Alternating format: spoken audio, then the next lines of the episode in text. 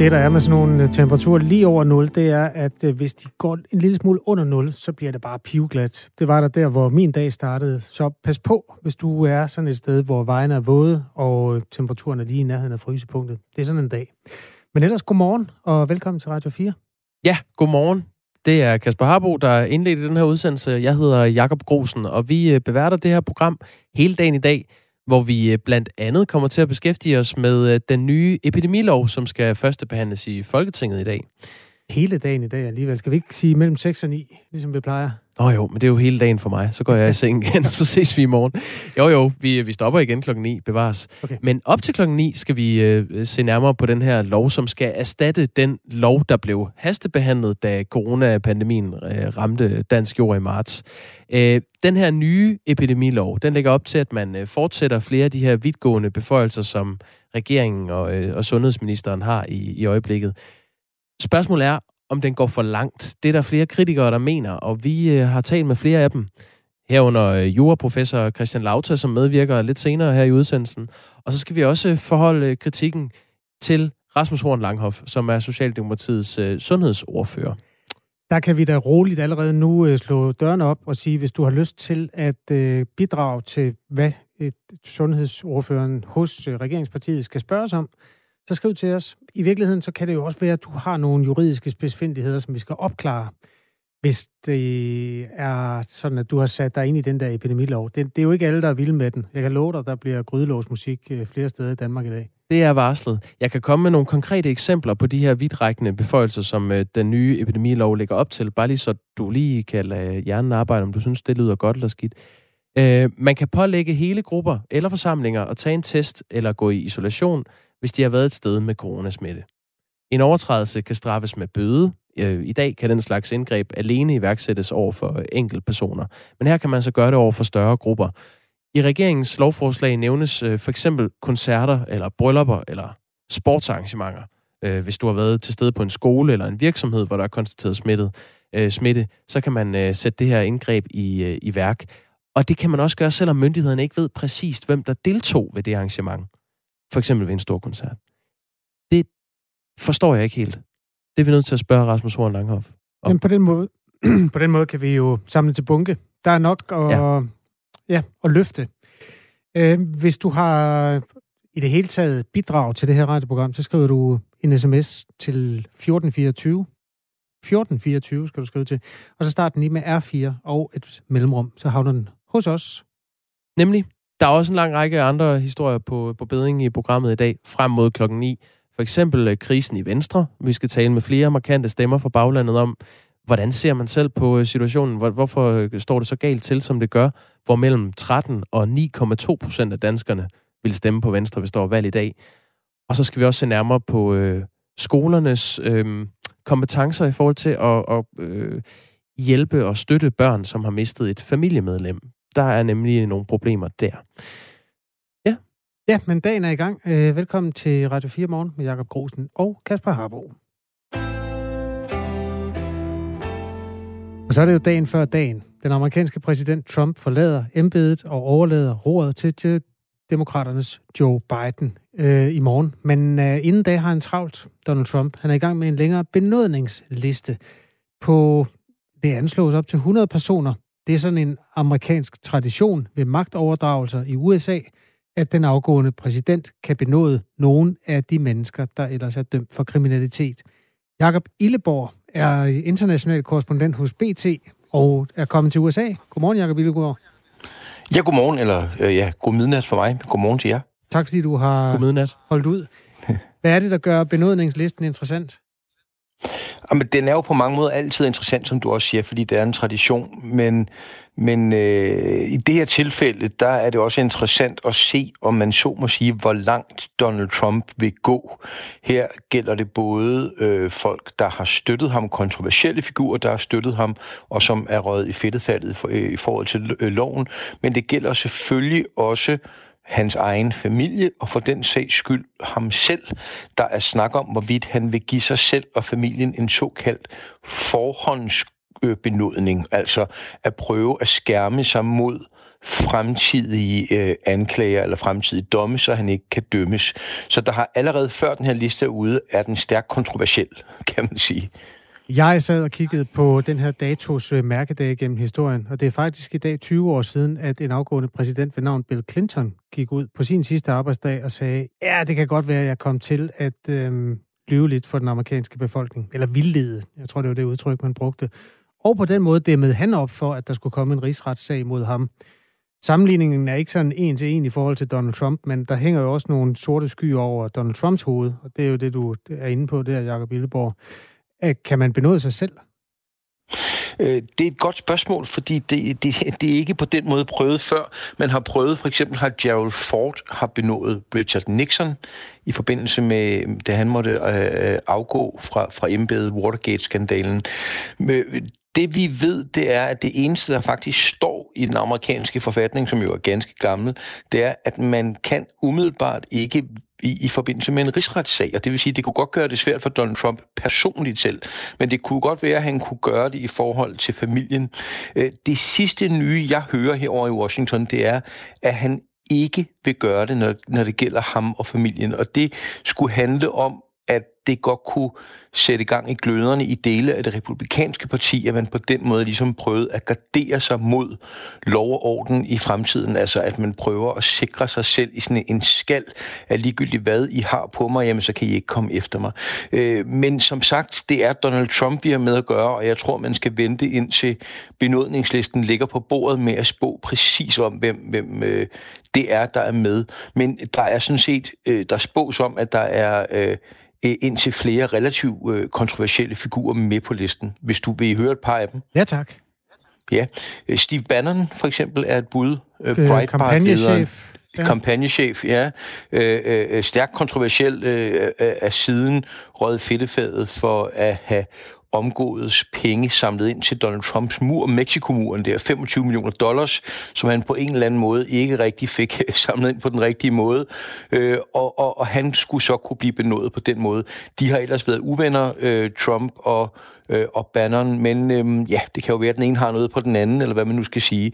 Øh, Lil Wayne, øh, hvis det siger noget, rapperen, Gud ja, meget øh, underlig rapper, eller måske en klassisk rapper. Øh, han havde på et, ja. Jeg læste om ham, han, han kom til at skyde sig selv i maven, da han var 12, og så kørte det ellers derfra. ja, han, han kom også til øh, at have håndvåben og nogle stoffer med ombord på et privat fly, hvor han blev arresteret. Ja. Det var ikke så godt, øh, og så røg han i er det, det, er det det, der hænger over hovedet på ham nu, som han kan blive benådet for? Øh, øh, ja, altså, og, og det vi ved er, at han er en af de ganske, ganske få i kunstnermiljøer, som faktisk har sagt, at han støttede Donald Trump. Han kom ud med et billede af ham og Trump i efteråret og sagde, at han støttede Trump. Der, der var ikke mange kunstnere ellers, der støttede op om Trump-kampagnen, og man mener, at nu vil øh, Trump øh, betale tilbage med at give ham en benudning. Ja, okay. Hmm? Øh, godt. Jamen, øh, andre sådan, øh, hvad kalder man det, prominente gæster på listen, eller skal vi vente?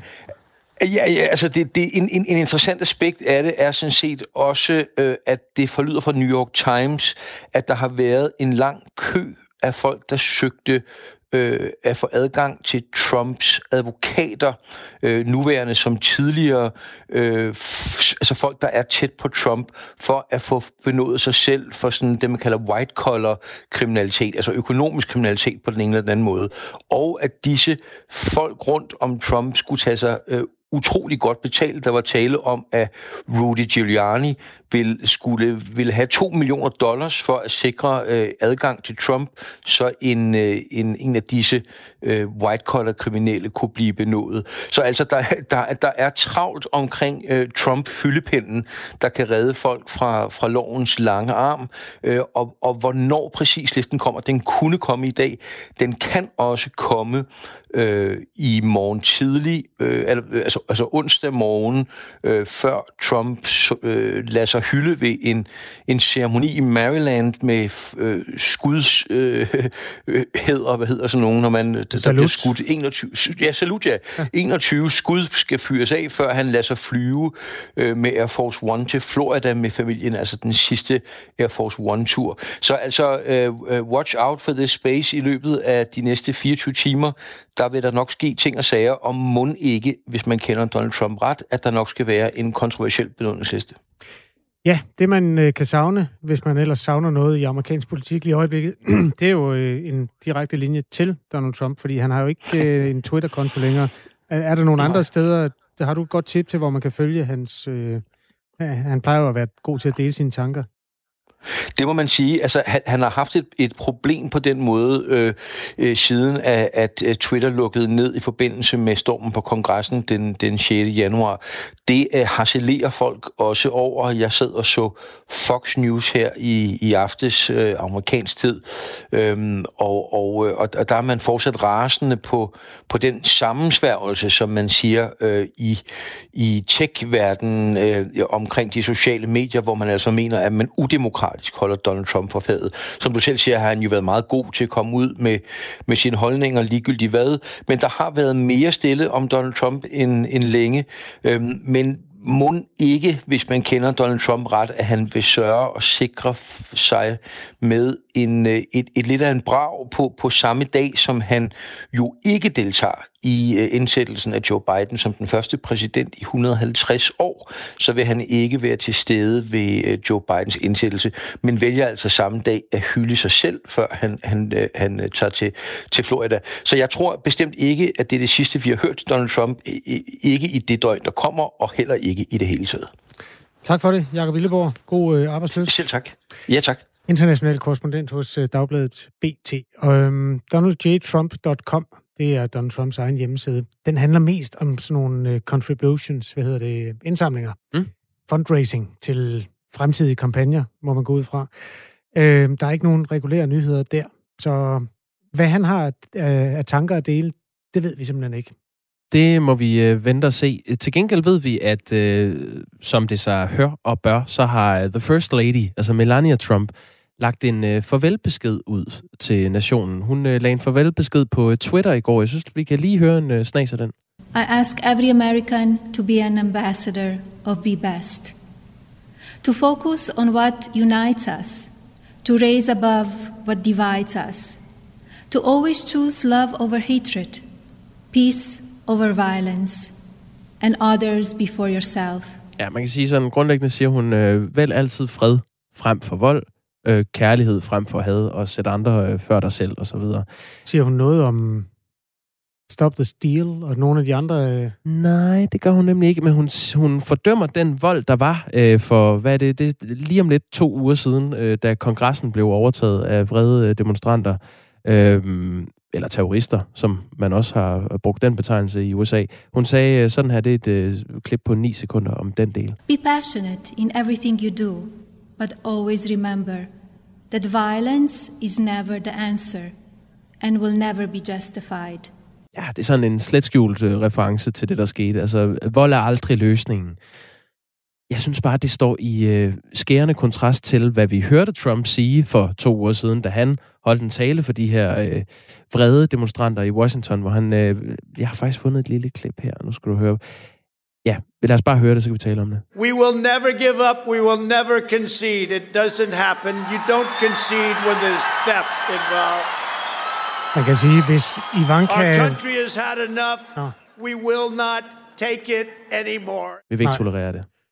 Men hvis hun var ude på at bakke den dagsorden op, så øh, forsømte hun lidt lejligheden til at gøre det i sin tale. Ja, hun, øh, hun siger, hvor ligger er løsningen, og det her, det var jo, øh, hvor Trump siger, at vi vil aldrig give op, og man skal ikke lægge sig ned eller overgive sig, når der er teori involveret, og vores land har fået nok, og så opfordrede han øh, sine tilhængere til at gå mod kongressen. Det kan man sige, det, det, det er ikke den dagsorden, hun øh, bakker op omkring Melania Trump i den her sidste tale, hun fik holdt.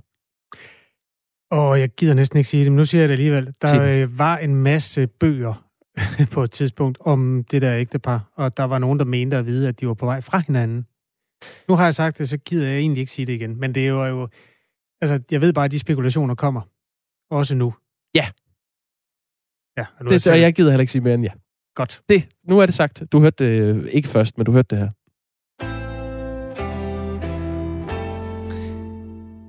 Nu øh, kaster vi blikket på en anden historie, som øh, kommer til at fylde en del i Radio 4 morgen her til morgen. Øh, ifølge kræftens bekæmpelse oplever 26.000 skolebørn i Danmark hvert år, at en øh, far eller en mor bliver indlagt med en livstruende sygdom, og cirka 1.400 skolebørn mister hvert år en forældre.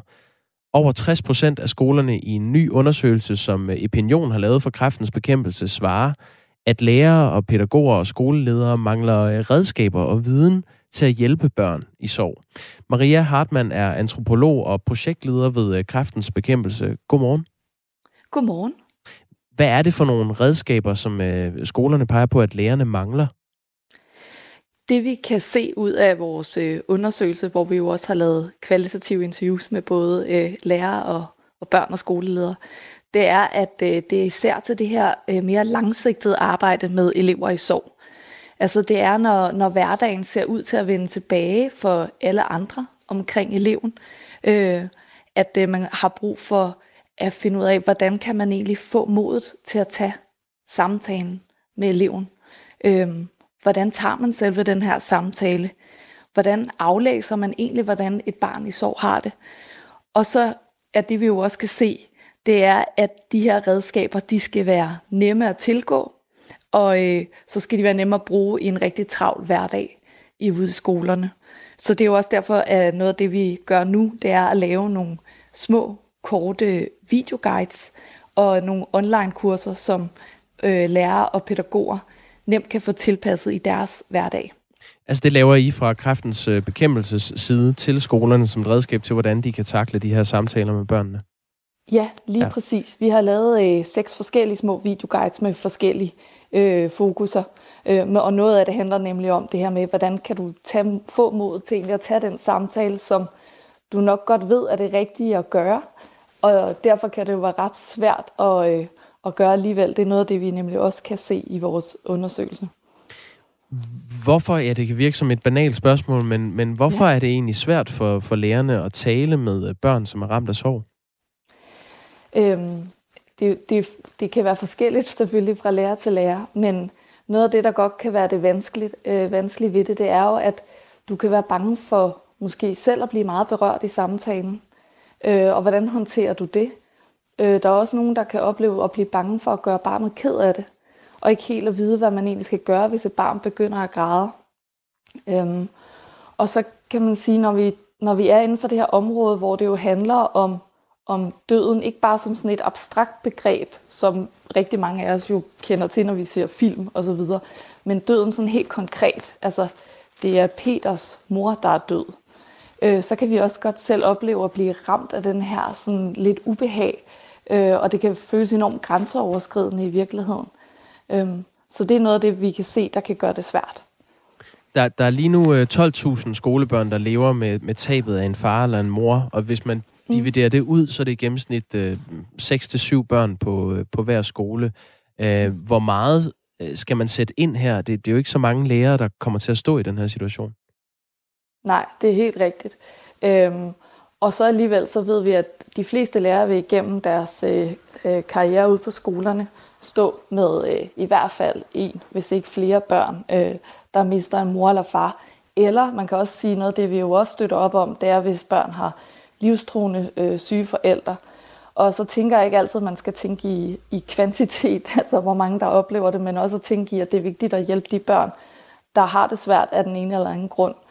Øhm, så, øh, og så ved vi også, at det for skolerne selv er en stor hjælp, når de føler sig godt klædt på. Altså de er rigtig mange skoler, der er 91 procent øh, af grundskolerne i dag, der har en sovhandleplan, der hjælper dem sådan i den akutte situation. Altså lige i det, der for eksempel sker et dødsfald. Hvad skal vi gøre? Hvem skal vi ringe til? Hvem bestiller blomster til begravelsen osv.? Mm. Og det ved vi bare er en rigtig, rigtig stor tryghed. Altså det er noget af det, skolerne selv melder ind også i, øh, i de her spørgeskemaer. Det er en rigtig stor tryghed for dem selv også. Så i virkeligheden så tænker jeg, at det er jo selvfølgelig hjælp til børnene, men det er jo også en hjælp til de professionelle, der står omkring børnene, at de faktisk føler sig godt klædt på til det arbejde, de jo øh, er sat i verden for at lave netop også at sikre deres elevers trivsel. Maria Hartmann, du er antropolog ja. og projektleder ja. ved, ved kræftens bekæmpelse, og øhm, jeg skal lige sige til dig, dit, uh, dit headset skrætter en lille smule. Jeg ved ikke, om, øhm, om så, det hænger så, så prøver jeg at holde det lidt ud. Skønt. Ja. Ved du, det giver mm. en, øh, en dejlig, stabil lyd. Uh, Maria Hartmann, I har jo talt med, med mange af de her børn, som er ramt af, af en stor sorg. Mm. Uh, mm. Hvad peger de på? Altså, hvordan det påvirker dem, at, uh, at de har mistet en forælder? Øh, ja, noget af det vi jo ved, det er rigtig mange børn i sorg, børn, der har mistet en forælder, men også børn, der lever med livstruende øh, sygdom, det er, at de kan føle sig øh, e-, ensomme i deres situation, og de kan også ofte føle sig lidt anderledes end deres jævnaldrende, fordi de har fået sig en erfaring, som de måske ville ønske, de ikke havde fået, og som kan være svært for deres øh, klassekammerater og jævnaldrende helt at sætte sig ind i, hvad det egentlig betyder. Øhm, og noget af det, vi, vi kan høre her i uh, vores undersøgelse for børn, at de siger, der er vigtigt, når de skal modtage hjælp fra skolen, det er i virkeligheden at have noget medbestemmelse omkring, hvordan de får den her hjælp.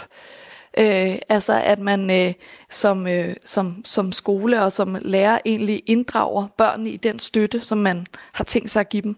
Det kan man jo gøre helt konkret ved at øh, sætte sig ned og, og tale med øh, den sovramte elev, når de kommer tilbage til skolen, og sige, vi har tænkt os at gøre sådan her. Hvad tænker du om det? Og der må måske også være elever i de lidt ældre klasser, hvor man kan spørge lidt mere åbent om, hvad har du egentlig brug for fra os? Men der tænker jeg, at man som lærer jo som regel er den, der har det bedste kendskab til, til ens elever, så man ved, hvordan man lige præcis skal inddrage det barn, man sidder overfor.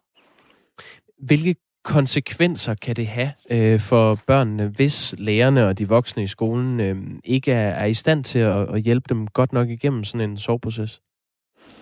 Øh, jamen altså, der er jo det konkrete, at, at man kan sige, børnenes følelse af ensomhed og anderledeshed kan jo ligesom blive forstærket af, hvis de ikke oplever, at der er nogle, nogle voksne omkring dem, der kan tage medansvar for deres øh, situation. Og en følelse af, at man ikke bliver mødt og forstået. Og man kan sige, det kan jo også, hvis, øh, hvis øh, lærerne ikke helt... Altså, der er jo det her med, at man tit glemmer over tid, at øh, der er en elev, der har mistet en, en forælder. Og det er jo ikke sådan, at man glemmer det konkret, for man ved jo godt, at Peters mor er død, men det bliver lidt sådan et objektivt faktum, ligesom man tænker, om Lisa har briller, og øh, Børge, det er der nok ikke så mange, der hedder efterhånden, men har blå sko, og Peters mor er død. Og så glemmer man måske ikke så meget det faktum, at hun er død, men mere, hvad det egentlig betyder for, for Peter. Og det gør også, at man måske kan overse nogle af de reaktioner, som et barn i sorg kan have, også lang tid efter i virkeligheden et dødsfald. Øhm, så for eksempel, hvis et barn lige pludselig reagerer meget med vrede i nogle situationer, som egentlig ikke ligner dem, så kan man jo godt misforstå det her barn lidt, fordi man i virkeligheden ikke helt kobler det med, med dødsfaldet. Og det kan man jo tage hånd om ved for eksempel at få talt med børnene sådan jævnligt øh, og finde ud af, hvordan det egentlig går. Det er altså 60 procent af skolerne, som øh, peger på, at de mangler bedre øh, redskaber til at, at hjælpe børn i sorg. Maria ja. Hartmann, øh, antropolog og projektleder ved Kræftens Bekæmpelse. Tak fordi du var med her og kastede lidt lys over problemstillingen. Det var så lidt. Tak for at tage det op. Det var også så lidt. God dag. I lige måde. To minutter i uh, halv syv er klokken blevet. Det her det er en historie, vi kommer til at følge her til morgen. Ja, i den følsomme afdeling kan vi sige, at vi skal tale med Emma. Hun er anden gear. Hun går på gymnasiet Virum og øh, mistede sin mor for et halvt år siden. Så hun øh, ved, hvad hun taler om i forhold til helt frisk sorg. Også de tilbud, der eksisterer her, og øh, hvor godt de fungerer. Det glæder vi os til at vende med hende. Noget andet, vi ser frem til, det er det interview, der skal finde sted om 5-6 minutter, hvor Christian Lauta, som er juraprofessor og forsker i katastroferet ved Københavns Universitet, skal hjælpe os med at vurdere, hvilke faldgrupper der kan være i det udkast til en ny epidemilov, som skal behandles i Folketinget kl. 13. Det er jo øh, selvfølgelig coronaen, der har sat et aftryk på, på juraen, og det kommer også til at skære en lunds af den personlige frihed, som nogle mennesker i hvert fald sætter enormt stor pris på. Og derfor er der mange forbehold over for epidemiloven. Når det er sagt, så er der også flertal for den. Der er faktisk kun to øh, partier. Det er på højrefløjen, hvor DF og Nye Borgerlige siger nej tak. Men der er også en masse mennesker, der siger nej tak til den epidemilov. De øh, kan kendes ved, at de i den ene hånd har en pande, og i den anden hånd har de noget, de slår med. Og hvis du ikke øh, har set eller hørt dem, så kan du enten finde dem på nettet, eller finde dem foran Christiansborg kl. 13. Hvis du nu skulle være en af dem, enten bare sådan en soulmate, der er lige så uenig i epidemilovens under bogstav, som de er, eller hvis du i virkeligheden også er en af de her øh, protesterende, så vil vi gerne høre fra dig. Det kan være, at du har indsigelser, der hører hjemme i det interview, vi skal lave med sundhedsordfører Rasmus Horn Langhoff fra Socialdemokraterne senere, eller et opklarende spørgsmål til Christian Lauta, som vi taler med om epidemilovens udkastet efter nyhederne. Skriv en sms til 1424, start med R4 og et mellemrum og send til os. Ja, og Christian Lauter, han er øh, ret kritisk over for det her. Nu er det Anders Webers tur. Klokken den er blevet halv syv.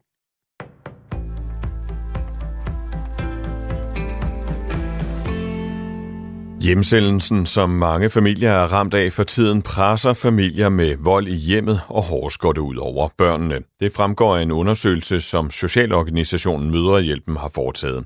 Undersøgelsen bygger på over 2.000 henvendelser, som organisationen har modtaget, samt interviews med rådgivere, terapeuter og psykologer, der er tilknyttet Mødrehjælpen.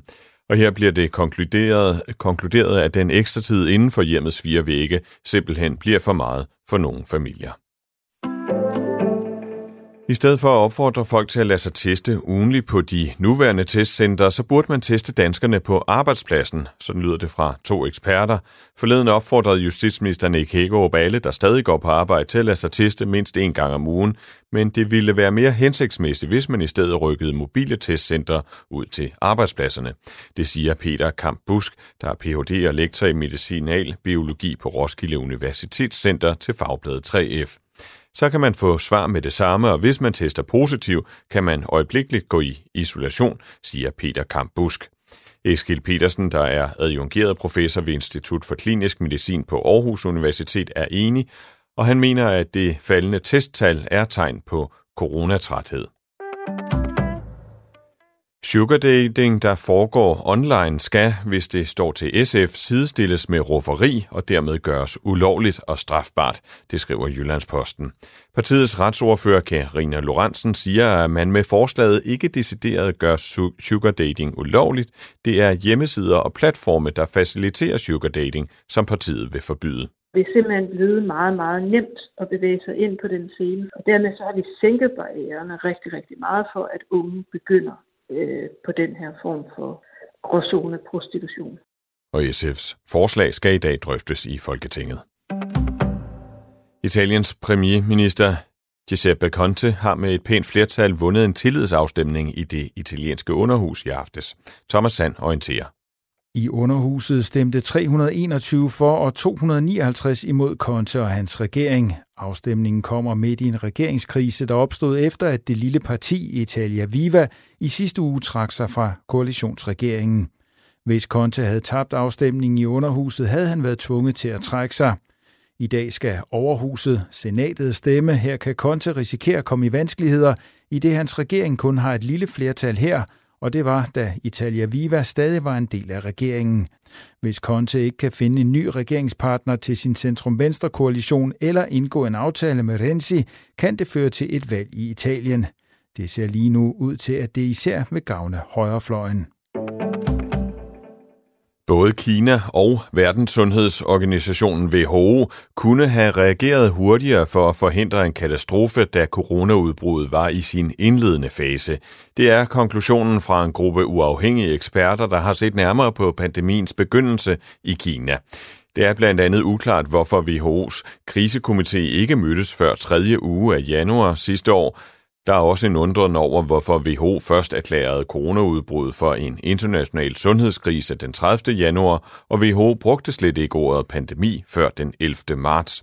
De tiltag, der blev indført i en række lande i foråret sidste år, skulle omgående have været indført overalt, hvor der var risiko for smitte, hedder det videre i rapporten. Til sidst et kig på vejret, som det vil se ud i dag, skyder efterhånden diset med regn flere steder, en overgang, måske slud eller tøsne. Temperaturer op mellem 2 og 5 graders varme, mildest bliver det i Sydvestjylland. Og der er risiko for pletvis isglatte veje i hele landet. Det var nyhederne på Radio 4 i studiet Anders Weber.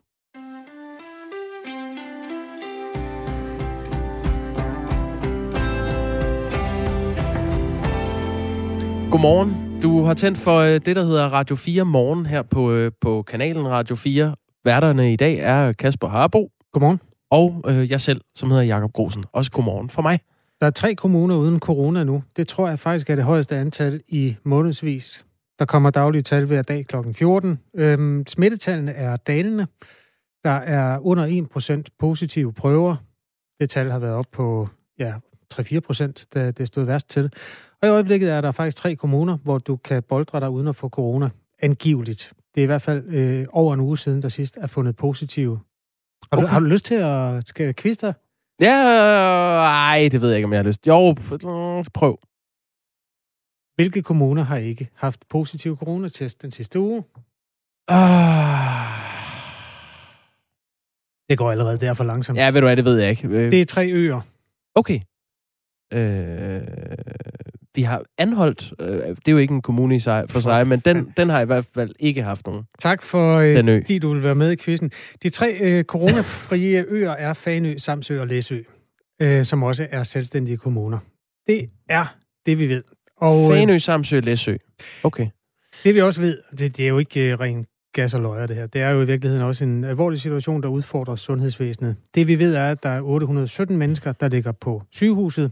Det er to tredjedel af den kapacitet, man har i forhold til de her ting. Øh, og det er et tal, der også øh, daler efter, ja, sådan hvis man anskuer. Det går lidt op og ned. Det, der er nogle bump på de kurver der, øh, som er sådan en form for det, man kalder usikkerhed, statistisk usikkerhedsudsving. Men øh, det ser ud til at gå den rigtige vej. Hvor, hvor, hvor hurtigt går det med at få udskrevet folk? Fordi det var noget af det, man talte om på det pressemøde, der var i sidste uge, at det gik uforklarligt langsomt, at folk var indlagt længere tid end forventet.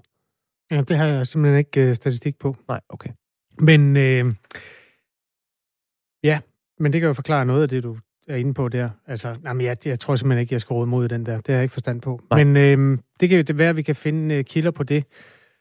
Øh, det her det er jo altså en af coronans mange knopskydninger, og jeg ved ikke, om vi skal kigge på en anden, den juridiske del af det her. Er vi der? Det er lige der, vi er. Øh, vi kan jo starte med at sige, at man tilbage i marts gav et, øh, ja, et fuldt enigt folketing gav vidtgående beføjelser til sundhedsminister Magnus Heunicke og regeringen. Og det var for at kunne bekæmpe den på det tidspunkt nye coronavirus. Så spoler vi frem til i dag. Øh, nu skal Folketinget første behandle den her nye epidemilov, som skal erstatte den, der blev vedtaget øh, som hastelovgivning tilbage i marts. Men den her nye epidemilov har haft en ret besværlig øh, fødsel, og der, der har været flere kritiske røster, som mener, at den her lov giver øh, politikerne for mange muskler, simpelthen. Det er blandt andet øh, dig, Christian Lauta. Godmorgen. Godmorgen. Juraprofessor og forsker i ka- katastroferet ved Københavns Universitet. Hvad er det øh, konkret i den her nye epidemilov, som går længere, end vi hidtil har været vant til? Ja, man skal starte med at sige måske, at øh, den nye epidemilov, som skal første behandles i dag, den er markant bedre end, øh, end det, det forslag, regeringen fremlagde for et par måneder siden. Man har indarbejdet en parlamentarisk kontrol, og man har også sat mange flere tidsbegrænsninger ind. Så noget af den kritik, der var meget voldsom for et par måneder siden, er sådan set blevet taget til efterretning og indarbejdet. Der er dog et par nye sådan beføjelser, kan man sige. Og måske særlig en øh, har springer i øjnene og var genstand for debat i går. Det bliver sådan, at regeringen fremadrettet kan pålægge der står i loven, en flerhed af mennesker, altså en gruppe mennesker, der har været samlet, at de skal isolere sig. Det kunne være nogen, der havde deltaget i en demonstration eller en firmafest. Det kunne sådan set også være, at hvis flaskedrengen i Føtex mødte ind en morgen, øh, og efterfølgende viste sig at være smittet, så kunne der også være en flerhed af mennesker på den arbejdsplads, som man kunne, uden at identificere dem, bede om at isolere sig under bødestraf. Hvor, er to spørgsmål allerede her, Christian ja. Lauta. Øh, hvor mange mennesker skal der til for, at man kan tale om en flerhed? Ja, mere end en, øh, vil jeg gætte på. Og jeg, jeg gætter på, at det er en, en elegant måde at, øh, at sige, at man ikke har lyst til at definere præcis det. Altså, at det, der skal være tale om mere end en, sikkert måske mere end to, fordi der allerede i loven er nogle muligheder for at pålægge individer, at man skal isolere sig, hvis man har været sammen med en smittet. Mm. Der er altså tale om øh, øh, grupper af mennesker, der har der samles, øh, hvor at man ikke nødvendigvis i hvert fald ikke uden øh, betydelige omkostninger, kan identificere, hvem der er i gruppen. Og det er jo interessant, Christian Lauter, fordi der i, i lovforslaget, der nævner man så øh, øh konkret koncerter, eller bryllupper, eller sportsarrangementer, eller du, som du siger, en flaskedreng i en virksomhed, eller et eller andet, hvor der er konstateret smitte, og så kan man så øh, pålægge grupper eller forsamlinger og, øh, og gå i isolation. Hvordan kan man gøre det, hvis man ikke ved præcist, hvem der har været til stede? Ja, og det er jo, det er jo, det er jo et af de helt oplagte øh, problemer ved at gøre det. Øh, på den ene side, så kan vi jo godt, tror jeg alle sammen, sætte os ind i, øh, når vi nu har været i det her epidemihåndtering kollektivt øh, til sidste års tid, at der kan være nogle situationer, hvor man har lyst til at sige, alle jer, der var til øh, onkel Fins 50-års fødselsdag, hvor der var nogen, der var smittet, I skal altså gå i isolation. Og på den anden side, så peger du helt rigtigt på et af problemerne. Hvordan i alverden skal man håndhæve det? Hvordan skal man være sikker på, at alle, der faktisk var til onkel Finds fødselsdag, er blevet gjort bekendt med, at de nu under bødestraf skal isolere sig, når man ikke har identificeret dem? Øh, og, øh, og hvordan skal man sikre, fordi det her er jo en form for frihedsberøvelse i virkeligheden, at der kan være tilpas domstolskontrol med det, når vi ikke faktisk kan, kan identificere personerne på forhånd.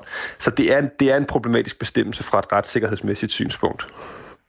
Mener du grundlæggende, at øh, politikerne går for langt med det her øh, epidemilov, øh, ja, den de skal behandle i dag? Åh, ja. det er jo det er jo altid et svært spørgsmål for en juraprofessor. Altså, jeg, min, min opgave, som tror jeg ikke er at bedømme, hvorvidt de går for langt, men at bedømme, hvor der er nogle muligheder for, at borgernes retssikkerhed bliver problematisk, så man i hvert fald med åbne øjne skal vedtage loven med. Øh, jeg kunne godt tænke mig, at der var flere retssikkerhedsmæssige garantier, særligt forbundet med den bestemmelse, vi lige har talt om her. Øh, og så kunne jeg godt tænke mig en drøftelse generelt, der hed, og det ved jeg godt er svært, når man vedtager en epidemilov, så handler den ikke om, hvad en socialdemokratisk mindretalsregering, der sidder lige nu, skal gøre ved covid-19. Den handler om, hvad alle fremtidige mulige regeringskonstellationer skal gøre imod alle potentielle fremtidige epidemier. Og det, øh, det gør måske, at vi skal se tingene i et lidt andet lys. For vi ender altid med en diskussion, der hedder, kan vi ikke godt stole på regeringen? Eller har det ikke vist sig det sidste år, at det faktisk var nødvendigt? I stedet for en diskussion, der hedder, er det egentlig rimeligt som en generel beføjelse at give til en hvilken som helst fremtidig regering det her? Og den diskussion kunne jeg godt tænke mig, at vi fik, at vi fik startet, fordi det er, det er sådan, når vi vedtager lovgivning, så kommer det til at vare til tiderne. Jeg tror, at sidste gang, man rigtig lavede om i epidemiloven før, den her gang var i 1979, som måske er sådan en indikation af, i hvert fald sådan substantielt lavet om i den, som en indikation af, øh, hvor lang tid der egentlig kan gå, fra man tager de her lovapparater op. Øh, og så skal man tænke sig grundigt om, synes jeg, når man vedtager den. Men Christian Lauter, kan man ikke vende den om og så sige, at det her øh, tiltag, altså at man kan pålægge for eksempel grupper og forsamlinger at tage en test eller gå i isolation, og hvis de ikke gør det, så kan de få en bøde, hvis de har været til stede et sted, hvor der var smitte. Kan det ikke gøre, at man langt hurtigere kan gribe ind og så stoppe de smittekæder, som man øh, helt forbandet bare skal have fat i? Jo, jo. Øh, og det er sådan, at hvis man ser tingene fra, fra krisens perspektiv, så er kriser altid umættelige. Hvis vi kombinerer, at vi gerne vil effektivt håndtere en krise med, at vi gerne vil kunne være på den sikre side i forhold til, hvad vi skal have af beføjelser, så er der ingen grænser for, hvad vi burde overlade af beføjelser. Men det skal jo altid holdes op imod et hensyn på den anden side til de individer, der skal berøres. Og det er den balance, vi diskuterer her, og som jeg måske mener i det her tilfælde øh, kammer, kammer lidt skævt. Øh, men, men jeg forstår, det, jeg forstår udmærket øh, argumentet, øh, men man skal bare samtidig huske, at hvis man alene ser det fra krisens perspektiv, så er der ingen grænser for, hvad vi burde overlade beføjelser til regeringen. Christian Lauter, der er masser af retorik i de diskussioner, der følger i kølvandet på den her epidemilov. Og en af dem så jeg på Facebook i går, en mand, der argumenterede for, at det her det var fascisme. I den opfattelse, at staten bliver større end individet, og øh, at staten kan gøre, som det vil med sine individer. Øh, nu er jeg ikke sikker på, at jeg har hørt dig bruge ordet fascisme nogen steder, men er, er det den vej, man rykker skyderen, altså navigationsskyderen, at staten bestemmer noget mere over sine borgere, end man gjorde øh, før den lov? Nej, nej. Det er at skyde øh, kanoner, kanoner med, med gråsbog. Altså, det var en meget vidtgående lov, som den lå. Øh, og det er et meget vidtgående apparat, som det skal være. Det giver rigtig god mening også, at et øh, liberalt demokrati skal have mulighed for at gøre ret vidtgående ting for at bekæmpe sygdommen. Så det, det synes jeg er alt, alt, alt for vidtgående, og måske ligefrem en lidt skadelig retorik, fordi noget af pointen her, synes jeg, det er, at vi skal kunne tale om det her, uden at det bliver en meget polariseret diskussion, der handler om for og imod en siddende regering, for så vidt for og imod en igangværende håndtering af covid-19. Men en meget finere diskussion, der handler om, hvordan gør vi egentlig det her smartest fremadrettet. Nu ved jeg ikke, om øh, Folketingets politikere har sat sig sådan afgrundsdybt ind i det her, eller om de reagerer på en rygmavsfornemmelse. Men det, der er situationen nu, er jo, at øh, de fleste partier stemmer ja der er to partier på højrefløjen, altså Nye Borgerlige og Dansk Folkeparti, der siger nej tak, øh, cirka samme grunde. Øh, er det et udtryk for, at det her det egentlig rammer meget godt inden for skiven i forhold til, hvad vi normalt tillader staten at gøre i Danmark i forhold til individets rettigheder? Ja, altså der ligger jo en politisk aftale tilbage fra december med de partier, du her nævner. Den, den, den skal først behandles i dag, og øh, der er masser af muligheder for at lave ændringsforslag. Jeg tror, jeg tror egentlig, at det er en rimelig beskrivelse af den samlede lov her at sige, at den rammer meget godt inden for skiven af, hvad et politisk flertal vil acceptere i Danmark, og sikkert også, hvad der er nødvendigt. Men som altid, når man vedtager lovgivning, og når man kommer ned i detaljerne, så er der nogle ting, der kan fungere endnu bedre, og øh, det her som jeg påtaler med paragraf 28, som den så fint hedder, en flerhed af mennesker, er måske et af de steder, hvor man godt kan file en lille smule mere, selv inden for rammerne af den politiske aftale, der ligger på borgen. Man kan sige, Christian Lauter, der er jo også øh, parlamentarisk kontrol i den her øh, øh, lov. Altså blandt andet et krav om, at et øh, folketingsudvalg skal spørges, før en minister kan gøre brug af de her indgribende tiltag og restriktioner. Det er altså ikke bare en minister, der bare kan gå ud og diktere det. Det er sådan, vi gør. Men der er også et udvalg, der skal høres. Og så er der indført en øh, udløbsklausul, så man maksimalt kan få de her tiltag til at vare i fire uger, hvorefter et udvalg så igen skal bakke op, hvis en minister ønsker at holde fast i en restriktion osv. Er det ikke en meget god sikkerhed? Jo, det er bestemt nogle gode sikkerheder, som vi skal glæde os ved.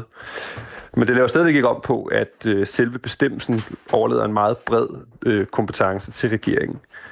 Øhm, og øh, jeg synes også, vi har set øh, over det sidste år øh, vanskeligheden ved at underkende regeringen øh, sådan i midt i en, i en epidemihåndtering. Øhm, så det er ikke indlysende, at parlamentarisk kontrol altid vil løse alle problemer.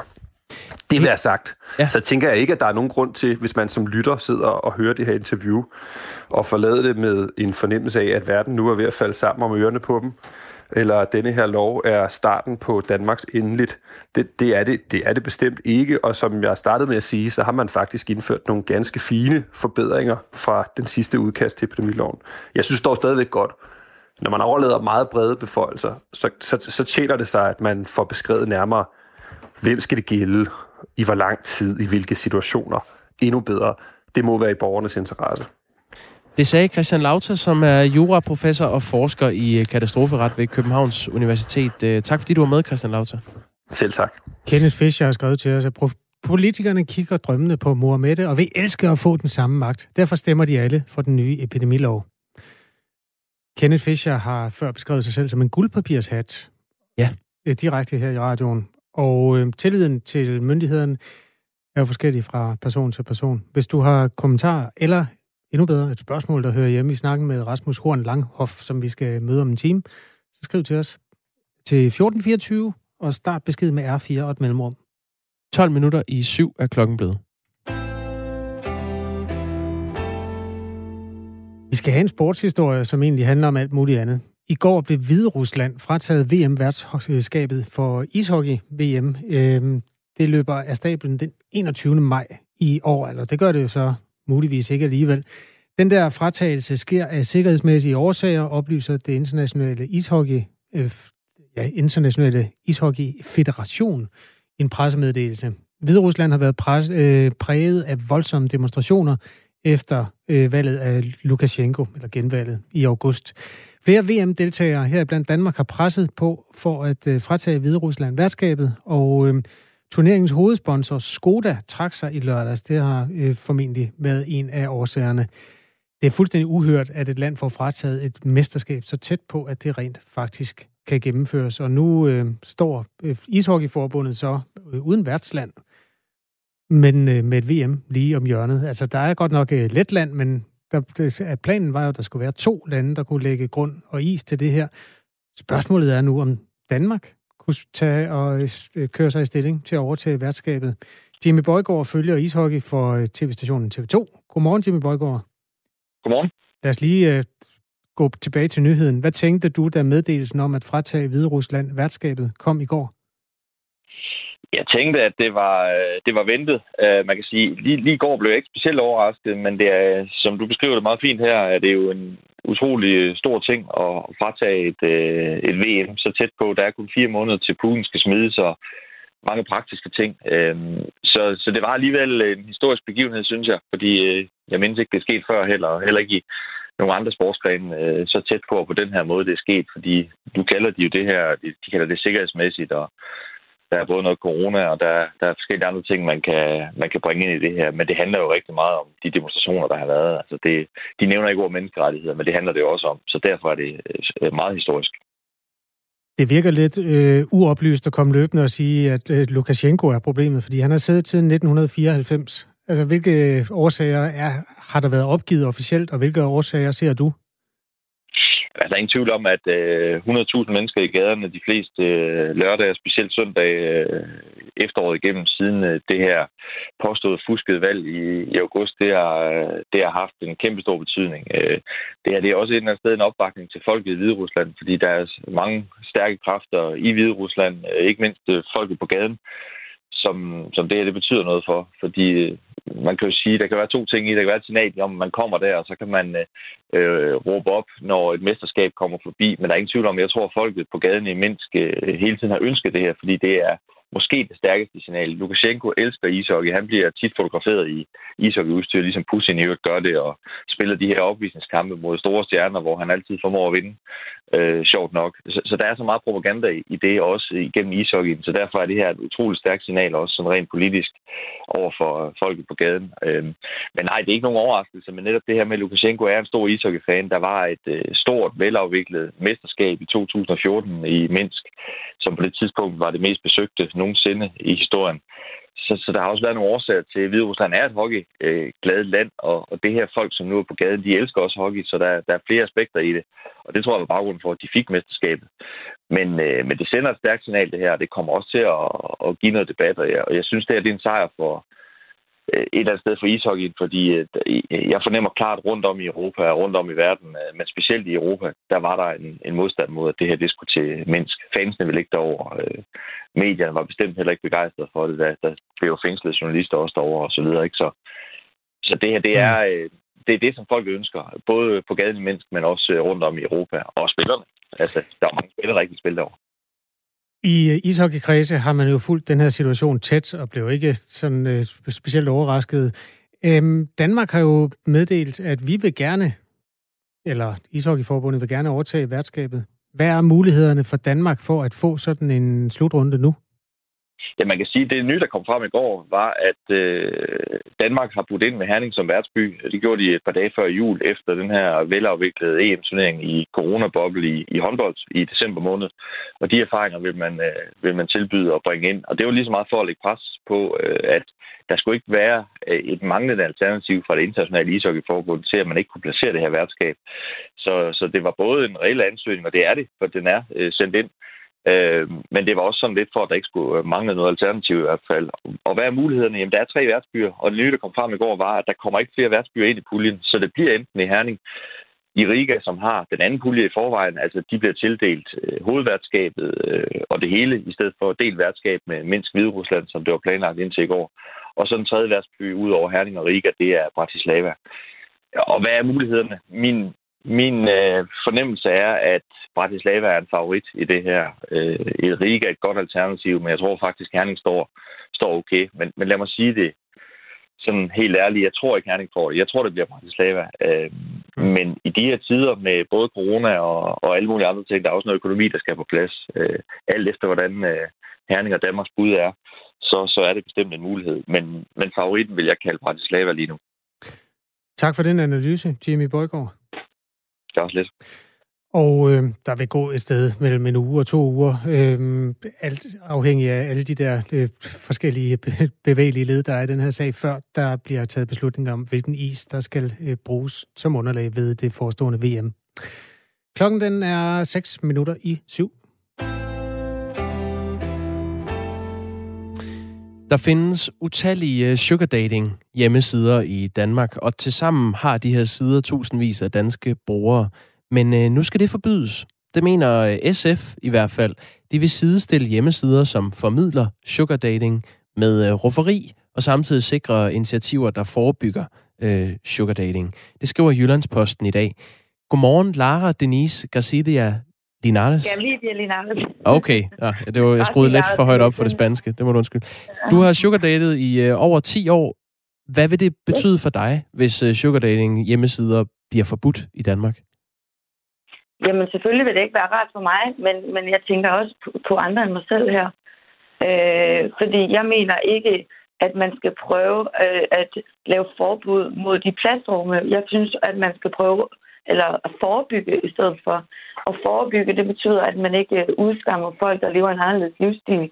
At forældrene, de ikke øh, fylder børnene med, eller vil slå hånden af dem hvis det er sådan, at de, de kommer til dem, og hvis de finder ud af det. Det gælder om, at samfundet, vi ikke udskammer folk, vi ikke selv synes, øh, de passer ind i livsstilen.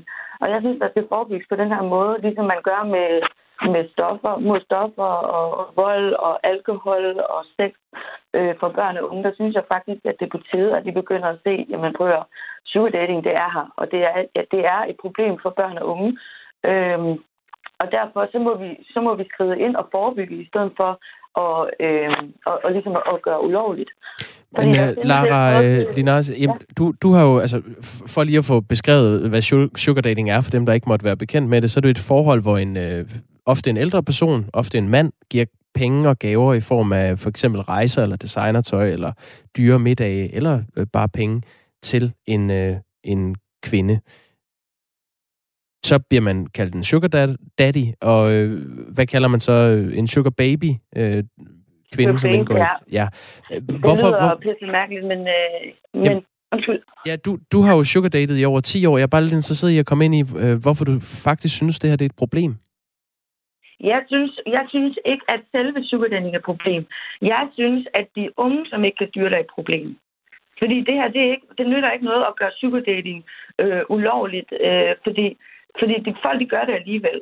Og det, og det hvis hverken vi skal sammenligne det her med rufferi, jamen øh, der er rigtig mange, der dater, hvor der overhovedet ikke er penge involveret, hvor det er, hvor jeg øh, kender nogen, der er blevet gift igennem, jeg har der boet med en, øh, hvor det er forhold igennem mange år, ligesom re, re, reelle forhold uden penge eller noget.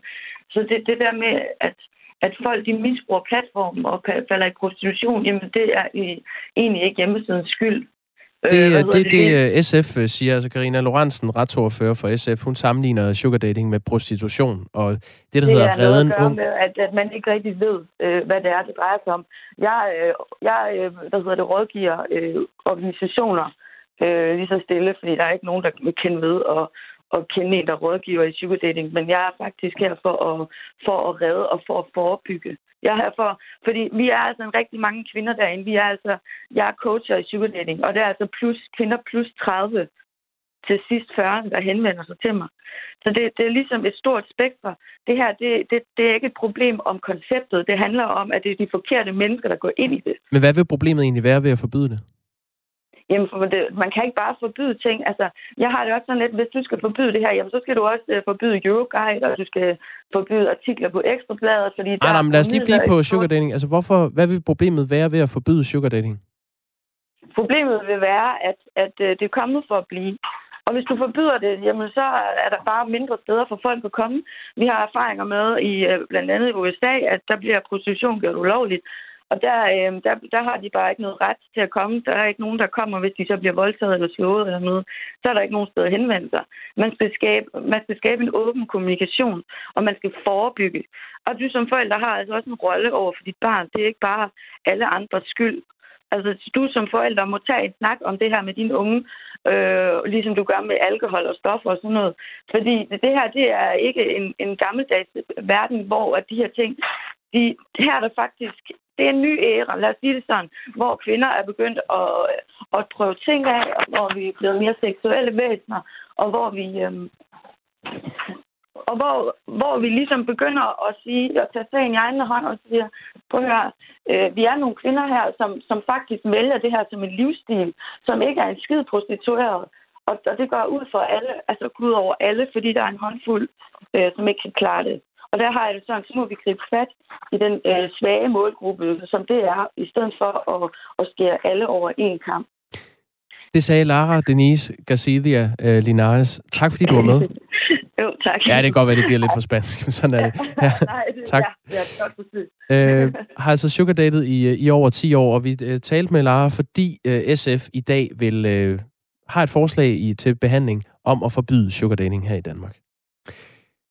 Der er 30 sekunder til. Der er nyheder. Vi skal nok fortælle dig selvfølgelig, hvad, hvis der sker noget interessant og vigtigt i enten Danmark eller resten af verden.